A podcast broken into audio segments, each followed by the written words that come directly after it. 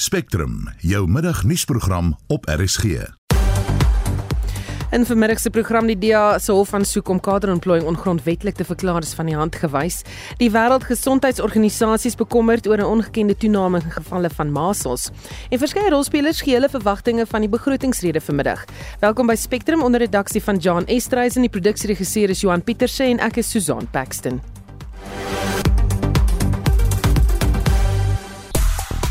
Vier spanne poog om die plaaslike vierdagreeks eindstryd te haal en Suid-Afrika se mans en vroue waterpolo spanne word uit die Olimpiese spele in Parys onttrek. Ek is Shaun Schuster vir RSG Sport. Nou soos jy gehoor het, Suid-Afrikaners gaan op Woensdag 29 Mei stembus toe vir vanjaar se algemene verkiesing.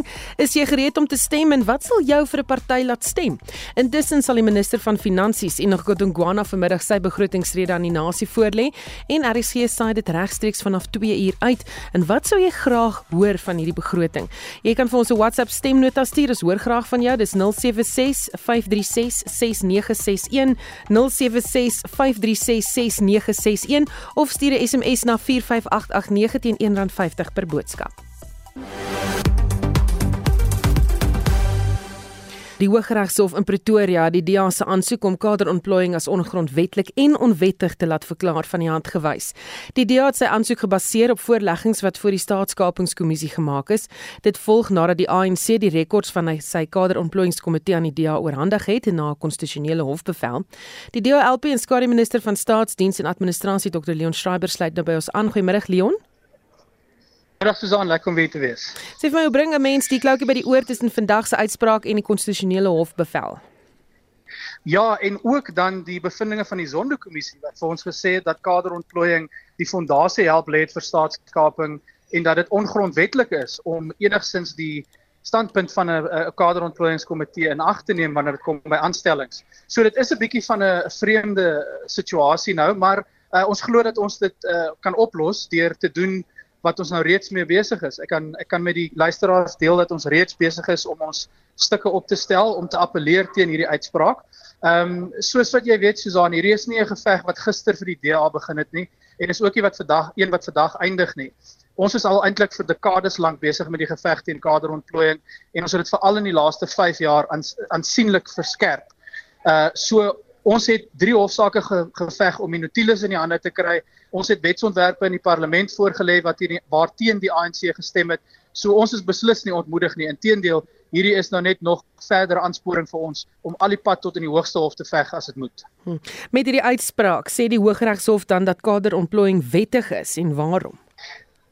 Ja, jy sien, dis die gevaarlike insinuasie wat wat 'n mens nou kan kan kan kry uit hierdie uitspraak, maar ek dink nie dis korrek nie. Ehm um, natuurlik sal ons na die hofstukke op die uitspraak bestudeer en nuwe hofstukke opstel om ehm um, appel aan te teken, maar ek dink ook jou vraag dui juist daarop oor hoekom ons nie hierdie saak kan laat staan nie. Dis presies waarom ons gaan appeleer, maar ek dink dit is belangrik om ook die punt te maak dat ons weet baie goed uit ervaring, uh, byvoorbeeld in die in die Nkandla saak, moes ons al die pad tot in die grondwet hof veg uh om om daardie bevinding te kry. So ons gaan dit weer doen, maar ons weet dit vat lank.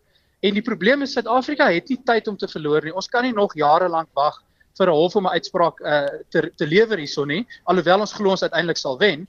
En daarom doen ons ook dan 'n beroep op kiesers om die verkiesing op die 29ste Mei as 'n referendum oor korrupsie en kaderontplooiing te beskou, want ons kan hierdie probleem oplos deur die ANC uit te stem op die 29ste Mei. Die ANC het intussen sy kaderontplooiingsrekords maandag aan julle oorhandig. Wat kon julle tot dusver daar wys word of moet ek so vra dat julle gekry waarvoor julle soek?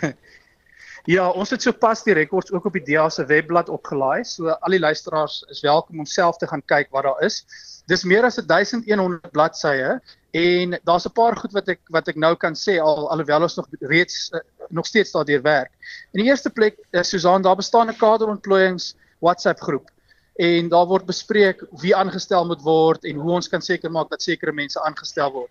Daar is 'n database met honderde name van kaders wat aan die binnebaan is vir aanstellings in die staatsdiens. Met ander woorde, dis mense wat beskikbaar is vir ontplooiing in die ANC se taal. Ons glo hierdie notules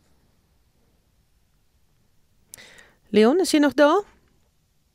Uh hoekom 'n hof op die ouene van die dag gaan moet bevind dat dit 'n ongrondwetlike praktyk is. Hierdie notules en rekords is goed wat ons dan ook vorentoe gaan gebruik. Okay, goed, jy's so 'n bietjie weggeraak daarso maar ek wil net vir jou vra, het julle na iets spesifiek gesoek in hierdie rekords? Iets soos byvoorbeeld die regsbank wat gekaap is? Ja, ons het ehm um, reeds aanduidings gekry in die rekords dat die ANC se kaderontplooiingskomitee gesit het en besluit het wie hulle as regters wil hê in die grondwet hof, daar spesifieke name daar genoem. En dan het ons ook 'n brief wat gestuur is van Jessie Duarte toe sy die sekretaris van die ontplooiingskomitee was, waar sy skryf aan die minister van Justisie, Ronald Lamola. Hierdie is onlangs onder die Ramaphosa administrasie om te sê dat die die mag van die hoofregter van die grondwet hof moet aangespreek word. Dit is onaanvaarbaar dat die dat hy so onafhanklik is en soveel mag het en basies probeer sê dat die ANC eerder as die regtelike dienskommissie behoort aanstellings tot die grondwet hof te doen. Hierdie is 'n aanval op ons demokrasie. Dit is 'n rampokker syndikaat en daarom sê ons kiesers moet ons help op die 29ste Mei deur die ANC uit te stem dat ons kaderontplooiing af kan skaaf. Dit blyk asof daar talle hofsaake uit die rekords kan voortspruit. Gaan julle dit verder voer? Ja, ons gaan Vrydag 'n nuwe aankondiging maak oor verdere stappe wat ons oorweeg. Ek kan jou verseker ons uh, gaan nie die saak hier los nie. So ons gaan die appel hê in die in die saak wat vandag uh, waar ons vandag uitslag gekry het oor die ongrondwetlikheid van kaderontplooiing en dan gaan ons op Vrydag 'n nuwe aankondiging maak oor persoonlike aanspreeklikheid vir ANC amptdraers betrokke by kaderontplooiing, betrokke by die die toesmeer van hierdie rekords want mense sal as hulle gaan kyk sien dat hierdie goed is uitgekrap en en en en inligting is weerhou. So ons gaan die ANC verder Vrydag weer aanspreek hieroor. Baie dankie. Dit was die DALP en skadu minister van staatsdiens en administrasie Dr Leon Schreiber. Soos jy vroeër in die nuus gehoor het, het verbruikersprysinflasie op 'n jaargrondslag effens gestyg van 5,1% in Desember tot 5,3% in Januarie. Dit beteken inflasie is steeds binne die Reserwebank se teikenband van tussen 3 en 6%. Op 'n maandgrondslag was die VPI 0,1% en ons praat nou met Dr. Rolof Botha, die ekonomiese raadgewer van die Optimum Beleggingsgroep. Goeiemôre Rolof. Goeiemôre julle. Kom ons kyk gou na hierdie indeks, wat het daar gebeur? ja, die goeie nuus is dat die uh, voedselprysindeks is besig om nog afwaarts te beweeg. Maar uh, daar is 'n paar ehm um, van die ou uh, probleempies wat uh, wat nou 'n bietjie begin byt. Die, die luisteraars uh, sal, sal waarskynlik besef dat hierdie 5.3% soos wat hy nou aangekondig is, is eenvoudig 'n uh, uh, mens stel net die Januarie se syfer wat gelukkig uh, dis die baie goeie nuus net 0.1% was saam met verlede Desember sin en so gaan mense terug tot tot Februarie 2023 mense stel hulle almal bymekaar.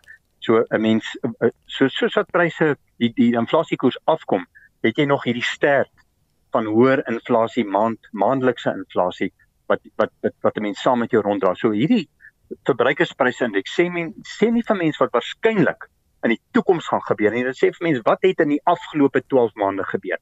En 'n mens kan nou maar en, en dit is nie te sleg nie soos jy self uh, aangedui het. Dit is nog binne die teikenvlak. Daar is op die oomblik met die swak groei met die daling in werk werkskeping in in in die vierde kwartaal verlede jaar is daar geen rede onder die son vir die monetêre beleidskomitee om nie rentekoerse vinnig in Suid-Afrika te laat sak. En is daar spesifieke sektore wat vir jou uitgestaan het hier? Die groot probleem bly maar daardie ehm um, wat mense nou so saam met jou dra die die elektrisiteit en en van die geadministreerde pryse. Uh en en soos wat ons in die toekoms inbeweeg soos dat ek net aangetoon het gaan gaan gaan dit begin verdwyn. So elke maand wat ons het volgende maand Februarie maand se inflasie syfer gaan nou dan verloor ons laas jaar in Februarie wat nog al 'n fris een was. So hopelik sal dit nou in in in, in daai rigting beweeg. En dan wat baie belangrik is is om ook te kyk na die produksieprysindeks. Want die produksieprysindeks is altyd 'n leidende aanwyser vir die verbruikersprysindeks en in in die indeks is ook goed gemaklik baie naby aan die middelpunt van die Reserwebank se teikenvlak en dit is goeie nuus. Dit sê vir mense dat in die volgende 2 tot 3 maande gaan die inflasie verder sak en weer eens ons as die Reserwebank nie in Maart maand rentekoerse verlaag nie dan dan gaan ons ekonomie sukkel om hierdie jaar te groei. En eh, kan rentekoerse nou begin verlaag dink jy? Ja, beslis. Uh, ek ek sien um, China het gister hulle uh, rentekoers verlaag tot onder 4% en die rede daarvoor het hulle gesê is om die ekonomie 'n bietjie te laat asemhaal. En dit is presies wat ons in Suid-Afrika nodig het. Die redes waarom ons inflasie gestyg het in 2021 en 2022 was weens die 700% toename in internasionale skeepsvragtariewe en natuurlik die geweldige sterfstygings in die oliepryse en energiepryse as gevolg van die Russiese aggressie in Oekraïne. En daardie redes het het nou daarom begin vervaag. Dit was nooit nodig om rentekoerse so hoog te vat nie. Ons koerse nou is amper 2 persentasiepunte hoër as wat dit was voor Covid. En die in inflasiekoers is min of meer op dieselfde vlak. Ek persoonlik kan dit glad nie verstaan. Wat is jou verwagtinge van die begrotingsrede vanmiddag? Ja, ek dink dit is redelik voorspelbaar. Hulle kort 'n bietjie geld. en uh, en sê hulle nie 'n bietjie baie geld. Uh, ek dink uh, meneer Kodongwana en sy span is is ehm um, het die vermoë om nogal innoverend te wees en ek twyfel of daar enige uh uh stygings gaan wees in belastingkoerse. Hulle hulle sal hier en daar 'n bietjie rondskuif en en hulle sal waarskynlik die hoop vestig daarop dat hulle gaan tog begroot dink ek vir redelik baie infrastruktuurbesteding, kapitaalbesteding in die hoop dat dit met sy uh uh bogemiddelde vermenigvuldigerseffek in die ekonomie dat dit kan nog werk skep volgende jaar en natuurlik die belastingbasis verbreek. En op dië manier uh hoop dat hulle hulle relatief positiewe uitkyk op ons ekonomiese groeikoers gaan dan 'n uh, uh, invloed op die begroting hê en so mate dat ek dink nie ons gaan vreeslik uh, uh, baie ehm um, belangrike aankondigings sien. En as jy nou so vinnig daaraan kan dink en ek dink luisteraars kan ook daar dink en dalk saamgesels daaroor maar ehm um, jy weet waar kan die minister van finansies besnoei om geld te kry? Ek vanoggend gehoor iemand gesê het hierdie blou lig brigades sny hulle dan is daar baie geld. nee, daar's verskriklik baie plekke waar hulle kan besnoei maar hulle moet maar net begin by ehm um, forensiese ondersoek na die uh eh, CFS van uh alle mense in die openbare sektor, nasionale departemente, provinsies, munisipaliteite en dan ook werkstudiebeamptes instuur om te kyk na daai pos waarvoor hierdie persoon nou elke maand 'n vergoeding ontvang. Is daardie pos nog relevant of het daardie bestaan dit eintlik nie meer nie? Daai taak is dalk al oorgeneem deur ehm um, tegnologiese ontwikkeling, maar die persoon gaan nog elke dag in kantoor toe of nou natuurlik met die ehm um, met die virtuele werk ehm um, bly hulle elke dag by die huis en as 'n mens kan ontslaa raak van mense in die openbare sektor wat geen waarde hoegenaamd tot die ekonomie van Suid-Afrika voeg nie. Ehm um, stadig maar seker dan kan hy baie baie geld spaar. Baie dankie. Dit was Dr. Rolof Botha, die ekonomiese raadgewer van die Optimum Beleggingsgroep. As jy wil saamgesels, waar dink jy kan die minister van Finansies besnoei om geld te kry vir hierdie begroting? Stuur 'n SMS of 'n stemnota. Nou die minister van Finansies en Ngodongwana sal vanmiddag sy begrotingsrede lewer. Die toespraak word fyner dopgehou as selfs die staatsrede. Die tesourier het vroeër gesê hy sal na verwagting sy beraamde inkomste teikens met 57 miljard rand te misloop. En vir wat hy verwag, praat ons nou met Lennard Willemse, die mede-direkteur van AJM Tax. Goeiemiddag Lennard. Goeiemôre Susan. Met hoeveel het die tesourier sy teikens dan nou gemis? Ehm um, tydens November se begrotings ehm um, uh, toespraak het die minister aangedui omtrent 6 miljard rand tekort. Alhoewel in Desember was daar 'n media verklaring van SARS wat aangedui dat die teiken wel bereik is van 1.69 triljoen. So as 'n mens gaan uitwerk persentasie gewys dan is SARS se teikens omtrent 99% na selfs 100% as 'n mens kyk na die nuutste verklaringe in Desember. Hmm. So daar is wel 'n geldtekort in hierdie begroting. Die minister kort geld. Waar gaan hy dit uitgrawe? Daar's bittermin speel ruimte vir die verhoging van persoonlike belasting, um, BTW. Ek twyfel baie sterk in 'n verkiesingsjaar of die minister so 'n drastiese stap sal neem om um, koerse te verhoog en selfs aan die BTW te karring. Mense gaan dalk weer kyk na jou normale ehm um, uh, items soos jou sondebelasting wat verhoog word, moontlik brandstofheffings wat verhoog word en dan is daar ook gerugte dat ehm um, hy moontlik die mediese krediete vir individue kan afskaf. Nou die krediete is 'n vermindering van jou belastingaanspreeklikheid indien jy aan 'n mediese fonds behoort, dan kry jy krediet per persoon wat aan die fonds behoort en dit verminder jou belasting. So daar is gerugte dat dit moontlik afgeskaf kan word. Uh hoekom sou hy dit voor afskaf? Ek dink dit is 'n baie maklike manier om addisionele belasting te kry sonder om enige ehm um, ingrypende nuwe voorstelle te implementeer, koerse te verhoog en ook aan BTW te karring want ons weet BTW raak almal se sak. Dit is nie net 'n elite groep mense wat um, BTW betaal nie, dis 'n verbruiksbelasting. So 'n uh, mediese krediet is meer 'n uh, amper half 'n uh, 'n elite tipe van manier om belasting te verminder en want dis mense wat tipies aan 'n mediese fonds behoort wat daardie krediet kry. So as 'n mens dit dan wegvat, voel dit half of skep dit die indruk dat die minister vat van die rykes en gee aan die armes, as ek dit so kan mm. so kan stel. Wat die kans dat daar uh jy weet op 'n persoonlike belasting vir 'n hoër inkomste groep verhoging sal wees? Ek twyfel sterk dat dit gaan gebeur Susan. Soos ek nou net maar gesê dit is 'n verkiesingsjaar so die die die speelruimte vir enige drastiese aanpassings is baie min. Ek dink 'n groot klem moet egter gelê word op staatsbesteding om dit te verminder. Ek die vorige spreker het ook daarop gedui eenvoudige goed wat gedoen kan word om die publieke sektor loon af te bring ook staatsskuld te verminder. Um, die begrotingstekort word elke jaar befonds deur staatsskuld en daai skuld is duur. So indien daar dan wel skuld aangegaan moet word, dan moet 'n mens kyk na die goedkoopste tipe skuld wat jy kan kry en wat ek daarmee bedoel is hulle moet skuldterme beding waar hulle minder rente betaal en nie noodwendig baie duur skuld aangaan om daai tekort te befonds nie. So ek wou nou ook vir jou vra waar anders sal hy dan 'n inkomste kan kry?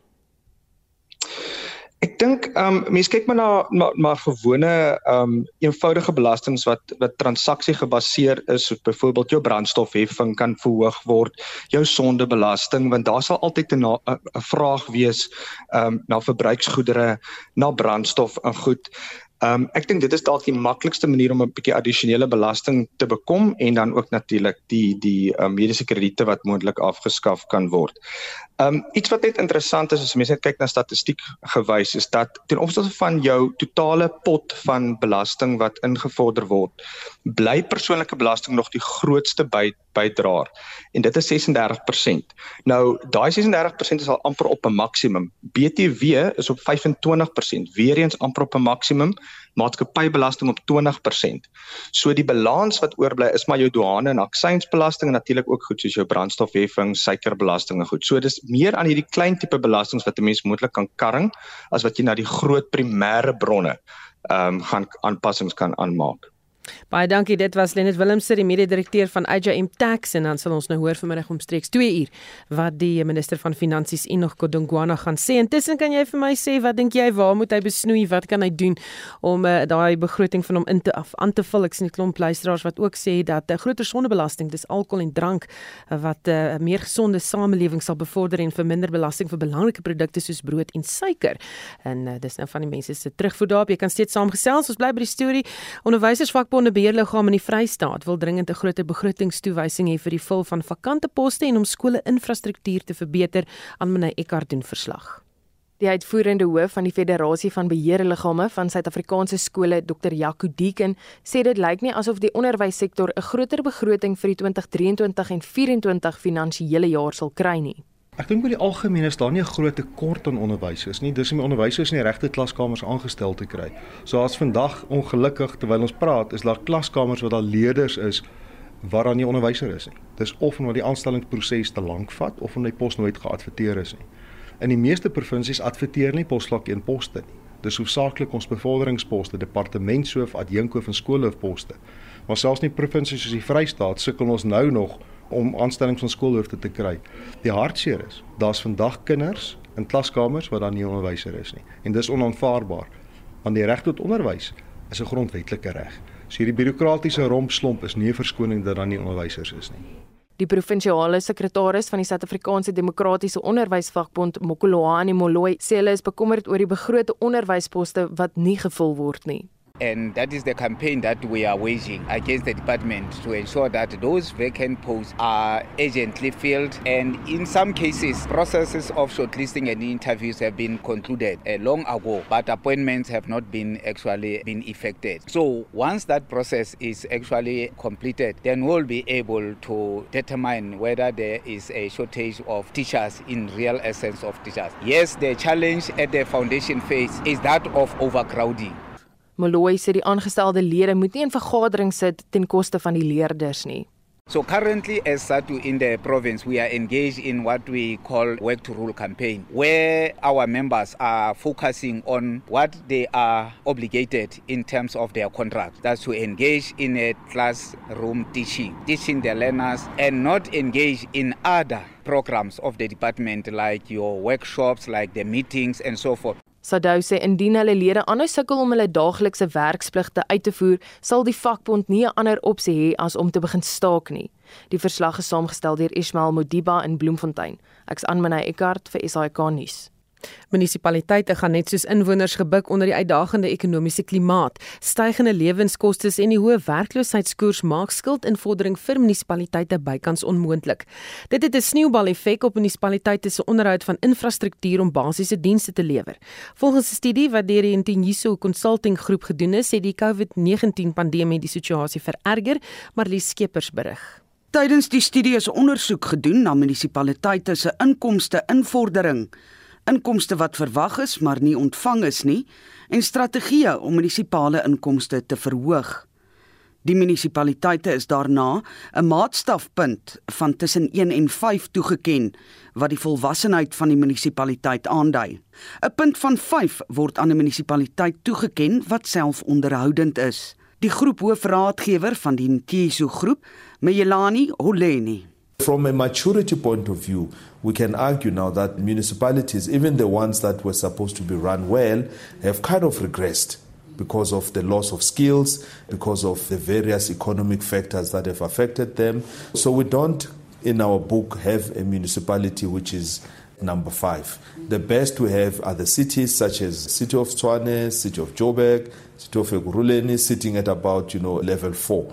But even being at level four, what we've seen is that there's still a lot more work that they need to be putting to make sure that they cement themselves as quite mature cities. Die burgemeesterskomitee lid van finansies by die Johannesburgse Metro, Dada Morera, sê die ekonomiese situasie het 'n aansienlike negatiewe invloed op die stad se inkomste.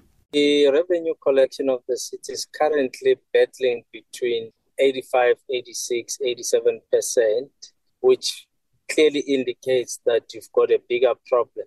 And the problem is really about the economic conditions that our residents and especially our customers find themselves in. Nog 'n hekkie wat munisipaliteite sal moet oorkom, is 'n gebrek aan kraginkomste weens huishoudings en ondernemings wat toenemend na groen energie soos sonkrag oorskakel. Die verslag is saamgestel deur Matimo Kosa in Johannesburg en ek is Marlie Skeepers vir SAK nuus. Die Wêreldgesondheidsorganisasie het sy kommer uitgespreek oor die reuse toename in gevalle van masels. Wêreldwyd het maselsgevalle sedert 2022 met bykans 80% toegeneem.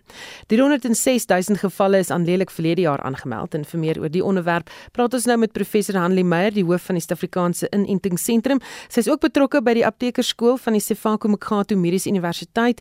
Uh, Goeiemôre Hanlie. Goeiemiddag. Dit is 2024 en voorvalle van masels neem toe terwyl daar jare al inentings beskikbaar is. Wat is aan die gang? Ja, weet jy, ons het dit nou gesien soos jy genoem het, ehm um, veral sedert 2022, ehm um, in Suid-Afrika spesifiek het ons 'n uh, 'n uitbraak van masels gehad. So ons het 'n uitbraak uitbraak gehad hier teen die einde van 2022 en dan ehm um, tot in 2023.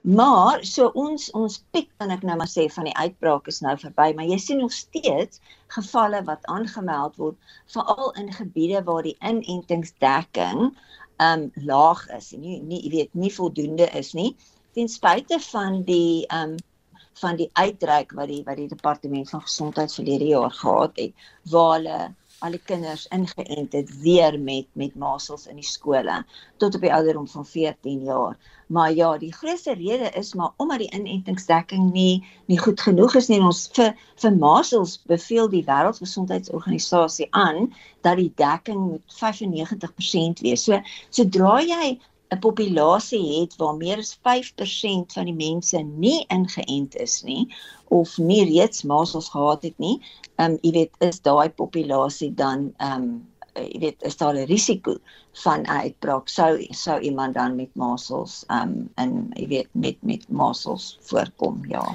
Is daar 'n daai die beweging onder mense om nie inentings te neem nie want hulle glo nie daaraan nie is bang daarvoor. Uh, speel dit 'n rol Ja, weet jy dit dit speel 'n rol en ons het dit ook gesien, jy weet in uh, gedurende die COVID-19 uh, pandemie het ons dit gesien. So dit dit dit is definitief een van die redes, maar daar is ook ander redes daarvoor. Jy weet en en en ouers moet bedag wees daarop. Hulle moet weet hulle kinders se boekies nagaan en seker maak en omdat dit so hoogs aansteeklike siekte is. Maar ja, die enstofhuiwering is definitief 'n probleem. En jy weet ouers sal gewoonlik um, sal hulle huiwerig wees omdat hulle die beste vir hulle kinders wil doen, maar dit is dikwels as gevolg van fopnuus en jy weet al hierdie misinformation wat wat versprei word wat hulle dan huiwerig maak. So, jy weet dis altyd goed as jy so voel dat jy met iemand moet gaan praat wat jy kan vertrou, jy weet 'n 'n 'n gesondheidsorgwerker of 'n dokter, iemand wat jy kan vertrou en wat verstaan wat jy weet wat hierdie enstofhuiwering is. Maar ja, soos jy noem dit, dit is definitief ook 'n probleem. Soos jy genoem het, die WHO is veral bekommerd oor ontwikkelende lande se inenting teen masels. In talle lande se gesondheidstelsels tot dan nou in een tydens oorlog en konflik, is dit ook 'n bydraende faktor. Ja, ja, definitief, definitief want dit veroorsaak dat mense nie by gesondheidsorg ehm um, eenhede of fasiliteite kan uitkom nie en ehm um, jy weet ook eh, sodra jy 'n populasie ook het wat nie weet wat miskien ondervoed is, wat nie goeie uh lewensomstandighede het nie, dit dit veroorsaak ook jou risiko. Maar ehm um, en en ons het in in in Suid-Afrika gesien, dit is hoekom ons in instofdekking jou waarskynlik soveel verlaag het gedien die pandemie omdat Onthou in die begin was mense baie bang om te beweeg. Hulle kon nie beweeg nie en hulle kon nie by die fasiliteit uitkom nie en dan mis die kinders daai inenting en dan word dit nie weer opgevang nie want vir om om dit kan voorkom, moet 'n kind op 6 maande die eerste inenting kry en op 12 maande die tweede inenting kry. En in die privaat sektor is daar nou die um, ehm, MMR wat ons noem, dis 'n kombinasie inenting en hulle gee dit gewoonlik op 12 maande en 18 maande. So as jou kinders daai gemis het, dan is hulle, jy weet, ehm um, uh, dan het hulle 'n risiko om dit op te tel. Hm. En laastens het Suid-Afrika in die wêreld genoeg masels en stof om 'n uitbreking of pandemie te verhoed. Ja, jy weet, um, wel dis altyd nou, uh, jy weet 'n goeie vraag nie wat mense nie altyd kan beantwoord nie. Dit hang ook af, ek dink van die van die omstandighede en miskien die lande waarin weet waar weet waar jy jou nou bevind. Maar in Suid-Afrika het ons genoeg en stof en ehm um, hulle is ook besig nou in Suid-Afrika om ons masels in en stof in die in die publieke sektor te vervang met die masels en die Duitse masels. So 'n kombinasie wat nou wat nou heel wat beter gaan wees, jy weet in die, in die algemeen. Maar ehm um, ja, op hierdie oomblik in Suid-Afrika het ons geen tekort van enstof nie, maar jy weet mense kan nooit sê wat, jy weet wat gaan gebeur nie. Dit hang af soos sê waar jy jouself bevind in die wêreld. Baie dankie, dit was professor Hanlie Meyer, die hoof van die Suid-Afrikaanse Inentingsentrum. Jy luister na Spectrum elke weekmiddag tussen 12 en 1. In die tweede helfte van die program die nasionale vergadering sal vanmiddag oor die geskorste Wes-Kaapse regter-president John Kloppe se toekoms besluit en moedertaalonderrig is in die kollig bly ingeskakel.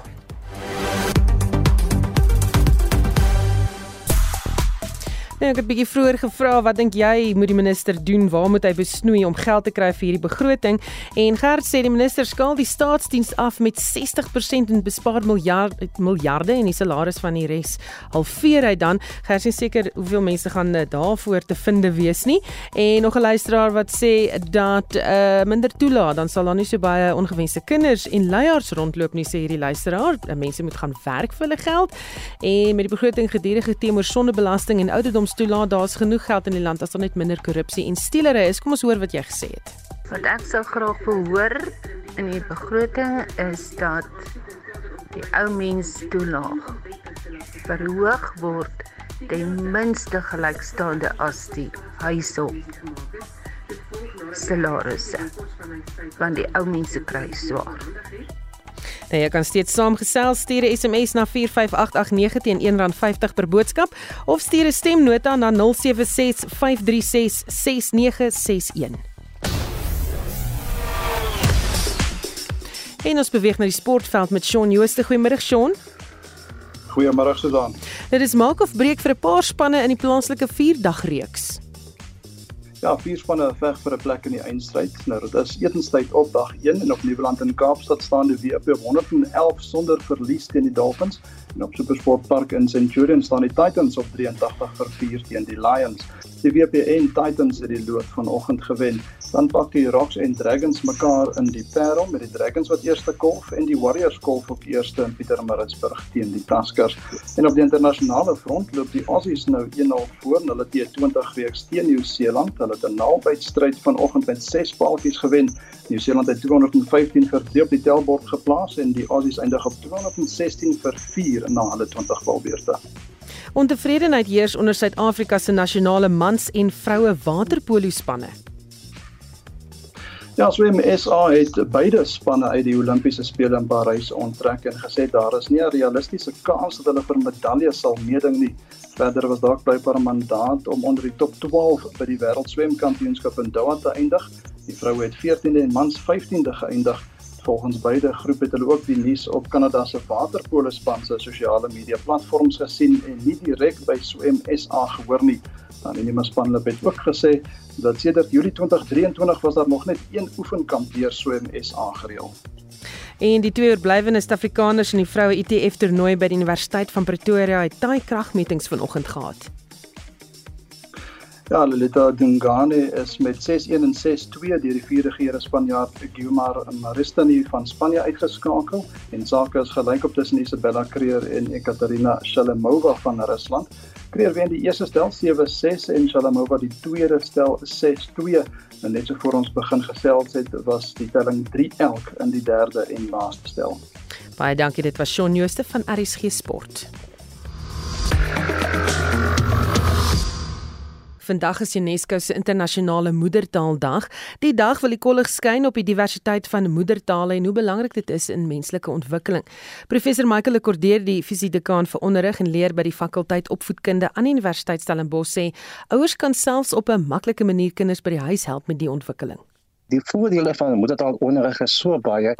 Ek gaan probeer om dit op te som. Want nou moedertaalonderrig is die basis vir alle kognitiewe leer en dis ook probleemoplossing. Want nou vandag wil ons juist vir ons kinders leer om probleme te kan oplos. 'n Kind se woordeskat is in sy moedertaal net soveel wyer en meer as in enige ander tweede taal. En hoe beter 'n kind se woordeskat, hoe beter kan hy leer en lees en dis verstaan en dis vorder in sy skoolwerk. 'n mens vervoer jou gevoelens en jou emosies tog die beste in jou moedertaal en ons verwag van kinders vandag en jong mense om ook passievol te kan skryf en te kan kommunikeer oor hulle diepste gevoelens en te kan deelneem aan nasionale gesprekke. 'n Kind verstaan net moeilike begrippe en moeilike konsepte in sy moedertaal beter en daarna kan hy dit oorvat na 'n tweede taal toe. En dan natuurlik moedertaal bevorder veeltaaligheid. Natuurlik moet die moedertaal baie goed gevestig is. Want 'n kind gebruik sy moedertaal om 'n nuwe taal, kom ons sê Engels, aan te leer. En dan miskien ten laaste die belangrikste lande waar die moedertaal ook die kennistaal is en die onderrigtaal is, presteer veel beter in die wêreld. En daar's baie voorbeelde, Singapore, Japan, maar net apart te noem. So die voordele van moedertaal onderrig is legio kyk na Suid-Afrika, hoe uniek is ons wat betref die hoeveelheid tale wat ons het? Kyk, ons het 11 tale, dis 12 tale ook met gebaretaal en dit maak ons uniek dat ons so ryk is aan verskillende tale. 11, maar daar is lande in Afrika wat baie meer moedertale het as ons, soos byvoorbeeld Ethiopië en daai mense het geleer om hulle moedertale te omhels en dit te aanvaar as deel van ons erfenis. En ek dink dis hoe ons hierna moet kyk. Dit is deel van wie ons is, dit is deel van ons kom vandaan en ek wil vandag ook 'n punt maak dis ook deel van ons toekoms want met behulp van moedertaal onderrig kan ons ons kinders net soveel beter voorberei vir die toekoms en dit gaan 'n moeilike toekoms wees. Wat meer moet in Suid-Afrika gedoen word om moedertaal en moedertaalonderrig te verbeter en te ontwikkel? Ek wil heel eers sê dat hierdie mite dat ons kinders moet nou in Engels skool gaan want die toekoms is Engels en hulle moet gaan studeer in Engels. Ek wil 'n punt maak en ek wil dit beklemtoon dat navorsing het bewys 'n kind hoef nie in Engels skool te gaan om Engels aan te leer nie. En ek gebruik my eie twee kinders altyd as voorbeeld. My kinders was in Afrikaanse skole, Afrikaans groot geword, maar ons het altyd vir hulle die Engels hier vanaf graad 6 kom die Engels by. En teen die tyd dat die kind graad 12 slaag, is hy kind volledig tweetalig was veeltaligheid bevorder. Hulle is baie goed onderrig in hulle moedertaal maar hulle is net so goed ook in 'n tweede taal in die geval Engels en dis 'n bate En dit beklem toe iemand wat twee tale het, het 'n voorsprong op ander kinders. En hulle het ook 'n voorsprong in die werksomstandighede, want hulle kan vandag werk met albei my kinders in Engels en in Afrikaans. En die feit dat hulle in die werksomgewing in beide tale kan fungeer, is op die ou einde 'n bate vir hulle. Want hulle kan meer mense bedien, hulle kan meer navrae hanteer en hulle kan ook met mense kommunikeer in hulle eie taal. So om jou moedertaal te bevorder is ter alle tye vir ons 'n bate. Jy kan net wen daardeur. Mense ouer is, kan jy by die huis nou al begin met 'n bietjie ontwikkeling daarvan?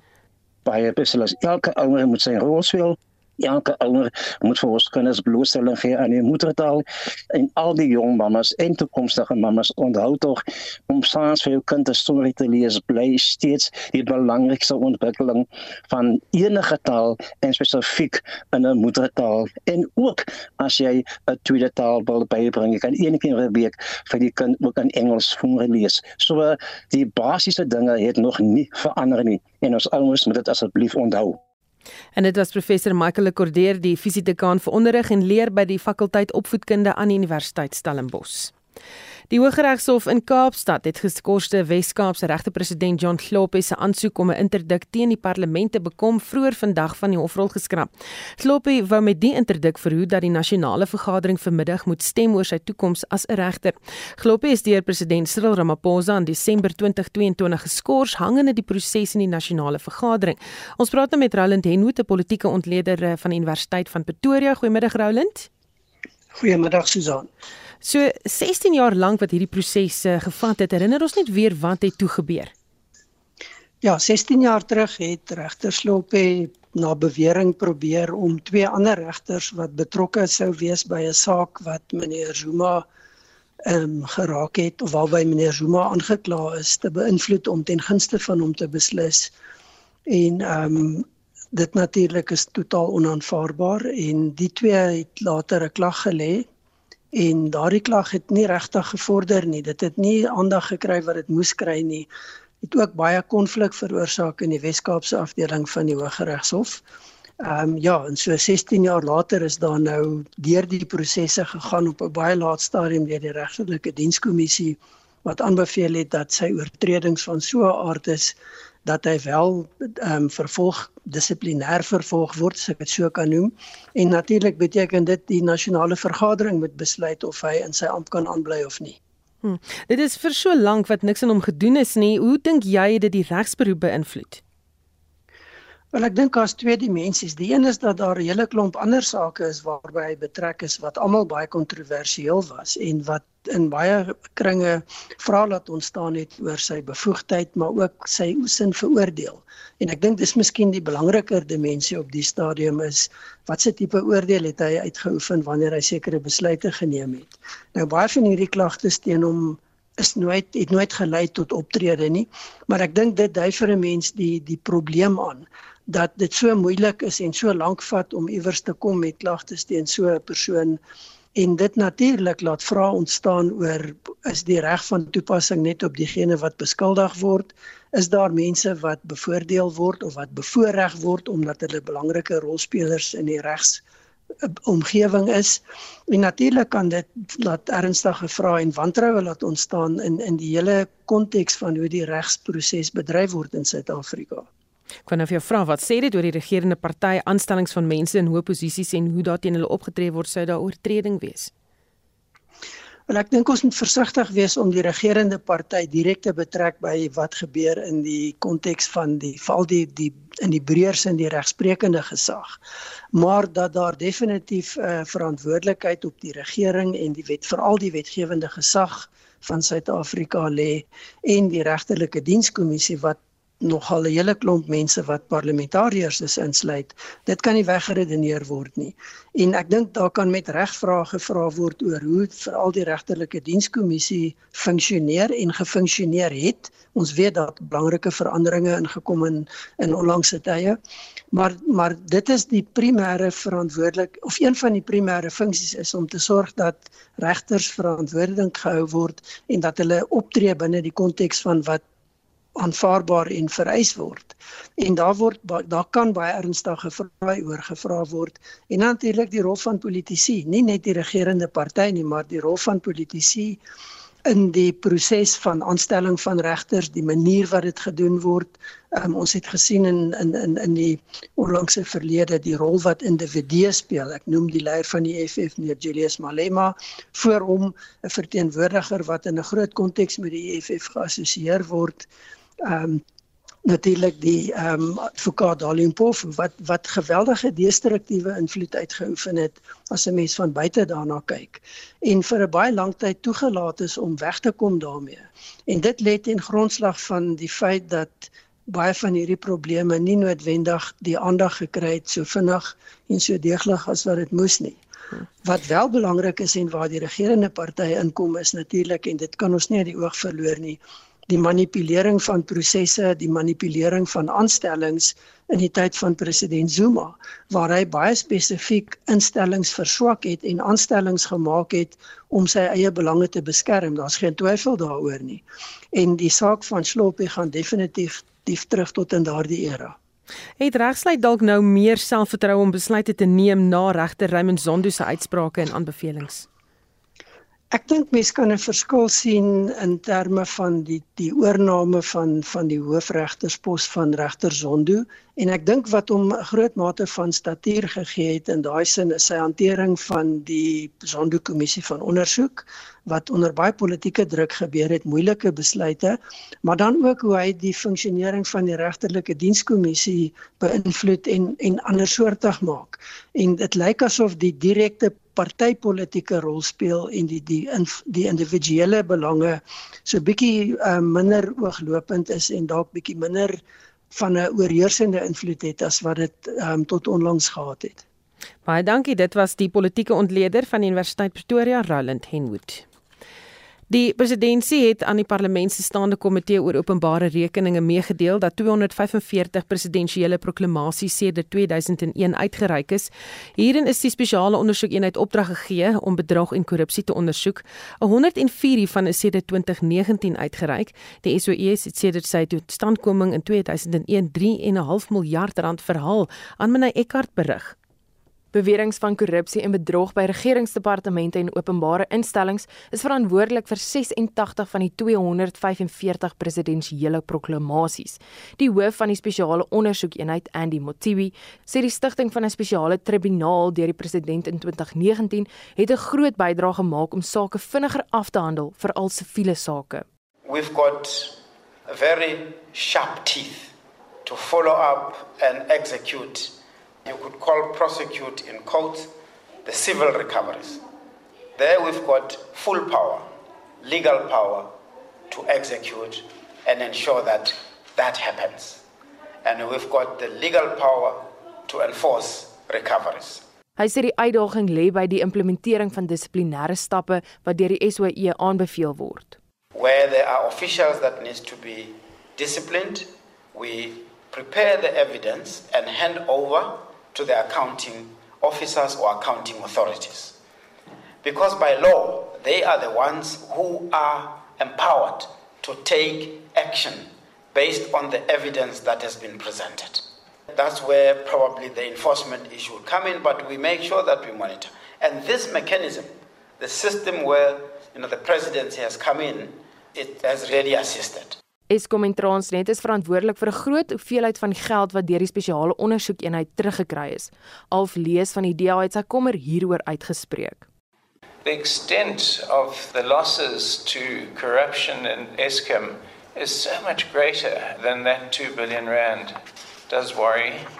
And then the road accident fund. Mr. Chairman, we've been so so active there, and yet there's only 11 million rand recovery there, and the TERS funding, 9.9 million. Is that all? When the corruption there was so massive. Staatsdepartemente skuld die SOE meer as 'n miljard rand van die werk wat reeds gedoen is. Motibi waarsku dat die skuld probleme in die toekoms kan veroorsaak. Die minister van die presidentskap Kumbutso Ntshavheni het voorgestel dat die nasionale tesourie hieroor genader word. And ask National Treasury why they can't make direct deduction of debt owed to the SIU, to municipalities and to SMMEs. More so when there are no disputes or when Treasury can adjudicate on those files. Dit was Kumbutso Ntshavheni, die minister in die presidentskap. Hierdie verslag is saamgestel deur Joseph Mosia in die parlement.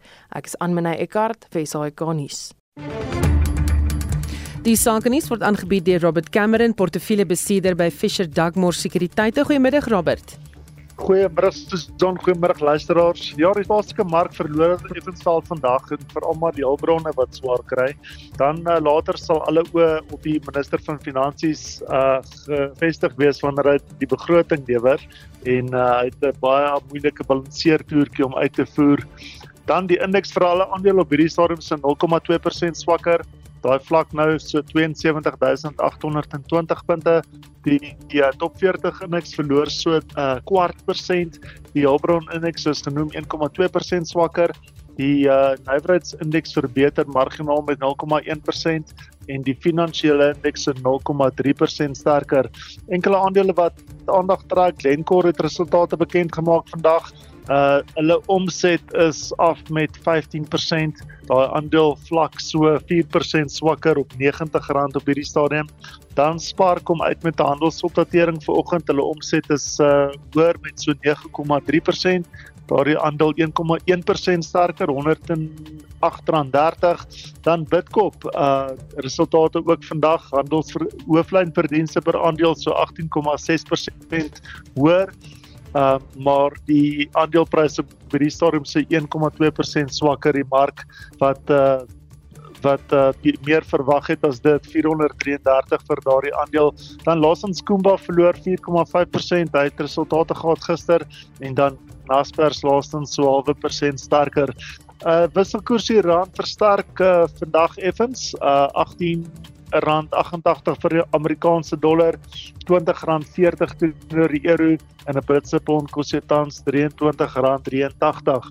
Kommoditeite, die goudprys uh, 2029 dollar per fyn ons, platinum 899 dollar en dan die Brentolieprys op die stadium 81 dollar 90 per vatjie, dis 'n effens laer. Oornag het die dag het die S&P 500 se 0,6% verloor uh dan die vroeër uh, vanoggend het die Hang Seng in Asië so 1,6% uh, sterker gesluit.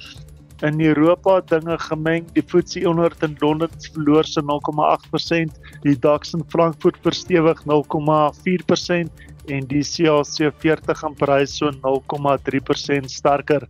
Baie dankie dis een van die sake nuus. En dit is Robert Cameron, portefeuillebestuurder by Fisher Dugmore Sekuriteite.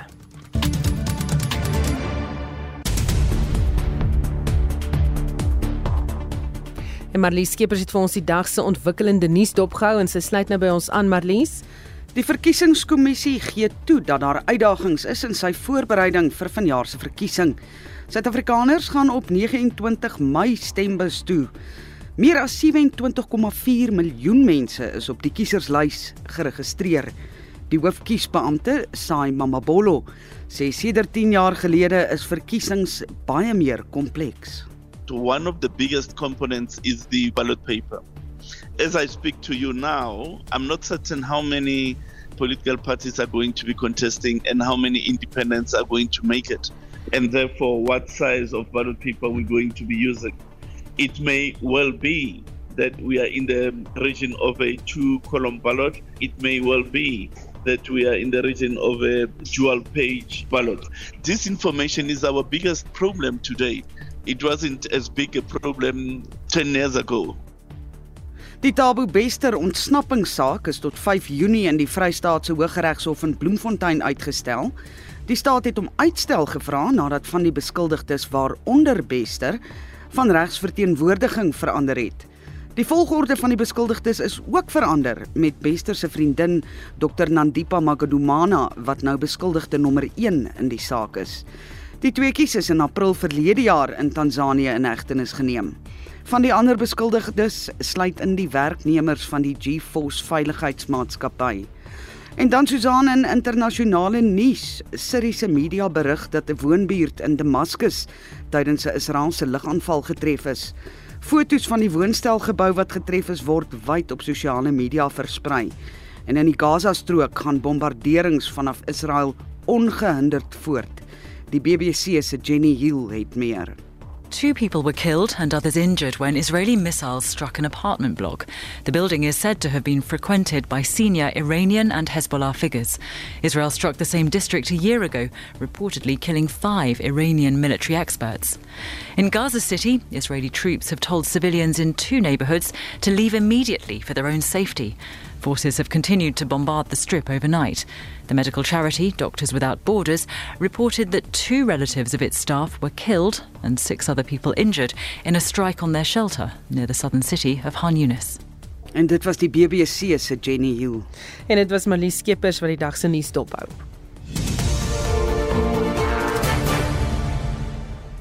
Klomp luisteraars wat steeds uh, saamgesels oor planne van waar om geld te kry vir begroting behalwe Ria Moelman van Bedford van Ooskaap wat uh, vir ons laat weet het van 'n botsing op die N10 op 'n Kraddock uh, Cookhouse pad by Mortimer. Pad is heeltemal toegemaak. Dit sal 5 tot 6 ure toe wees. Die polisie is op die toneel. Sy sê baie dankie vir die inligting daar. En Helene van Springs wat sê ek hoop die pensionaarsse gaan 'n goeie verhoging kry. Dis 'n aanleiding van die begroting 'n bietjie later. Ons groet namens ons uitvoerende regisseur Nicoline Lou, die redakteur John Estreisen, die produksieregisseur Johan Pieterse. My naam is Susan Paxton. Bly geskakel vir 360.